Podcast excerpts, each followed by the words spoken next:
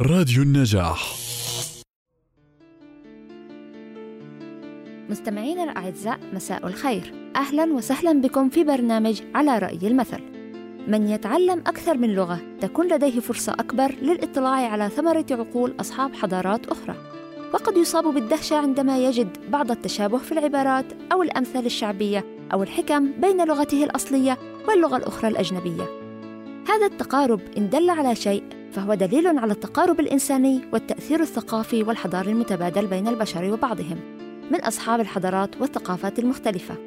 سوف نستعرض معكم اليوم أمثلة باللغة الإنجليزية وسيتم ترجمتها إلى اللغة العربية وطرح مثال على كل مثل نبدأ بأول مثل. A contented mind is a perpetual feast.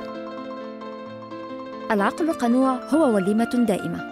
ويقارب المثل العربي القناعة كنز لا يفنى. إذا اقتنعت بما بين يديك ورضيت فيه كأنك ملكت الدنيا وما فيها. وأكيد الكل سمع بهذا المثل القناعة هي عكس الطمع. وخليني أحكي لكم هالقصة بتحديد مفهوم القناعة والطمع.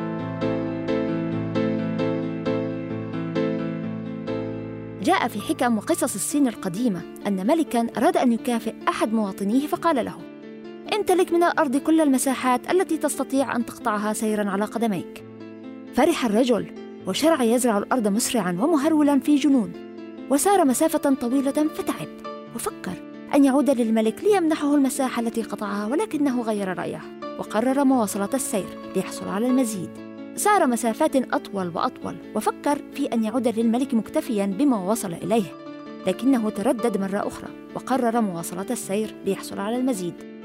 ظل الرجل يسير ويسير ولم يعد أبدا.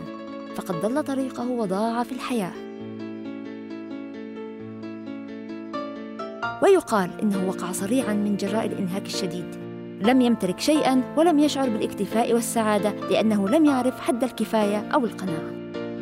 من هون بنحكي إنه لولا طمع المزارع ولا كان أخذ المساحة اللي بده إياها وعاش بسعادة مع عائلته لكن ما في حد للطمع. وكمان مثل بحكي A fair face may hide a full heart. الوجه الجميل ممكن أن يخبئ قلبا مخالف ويطابق المثل الشعبي من برا هلا هلا ومن جوا يعلم الله. وبقول آخر من برا رخام ومن جوا سخام.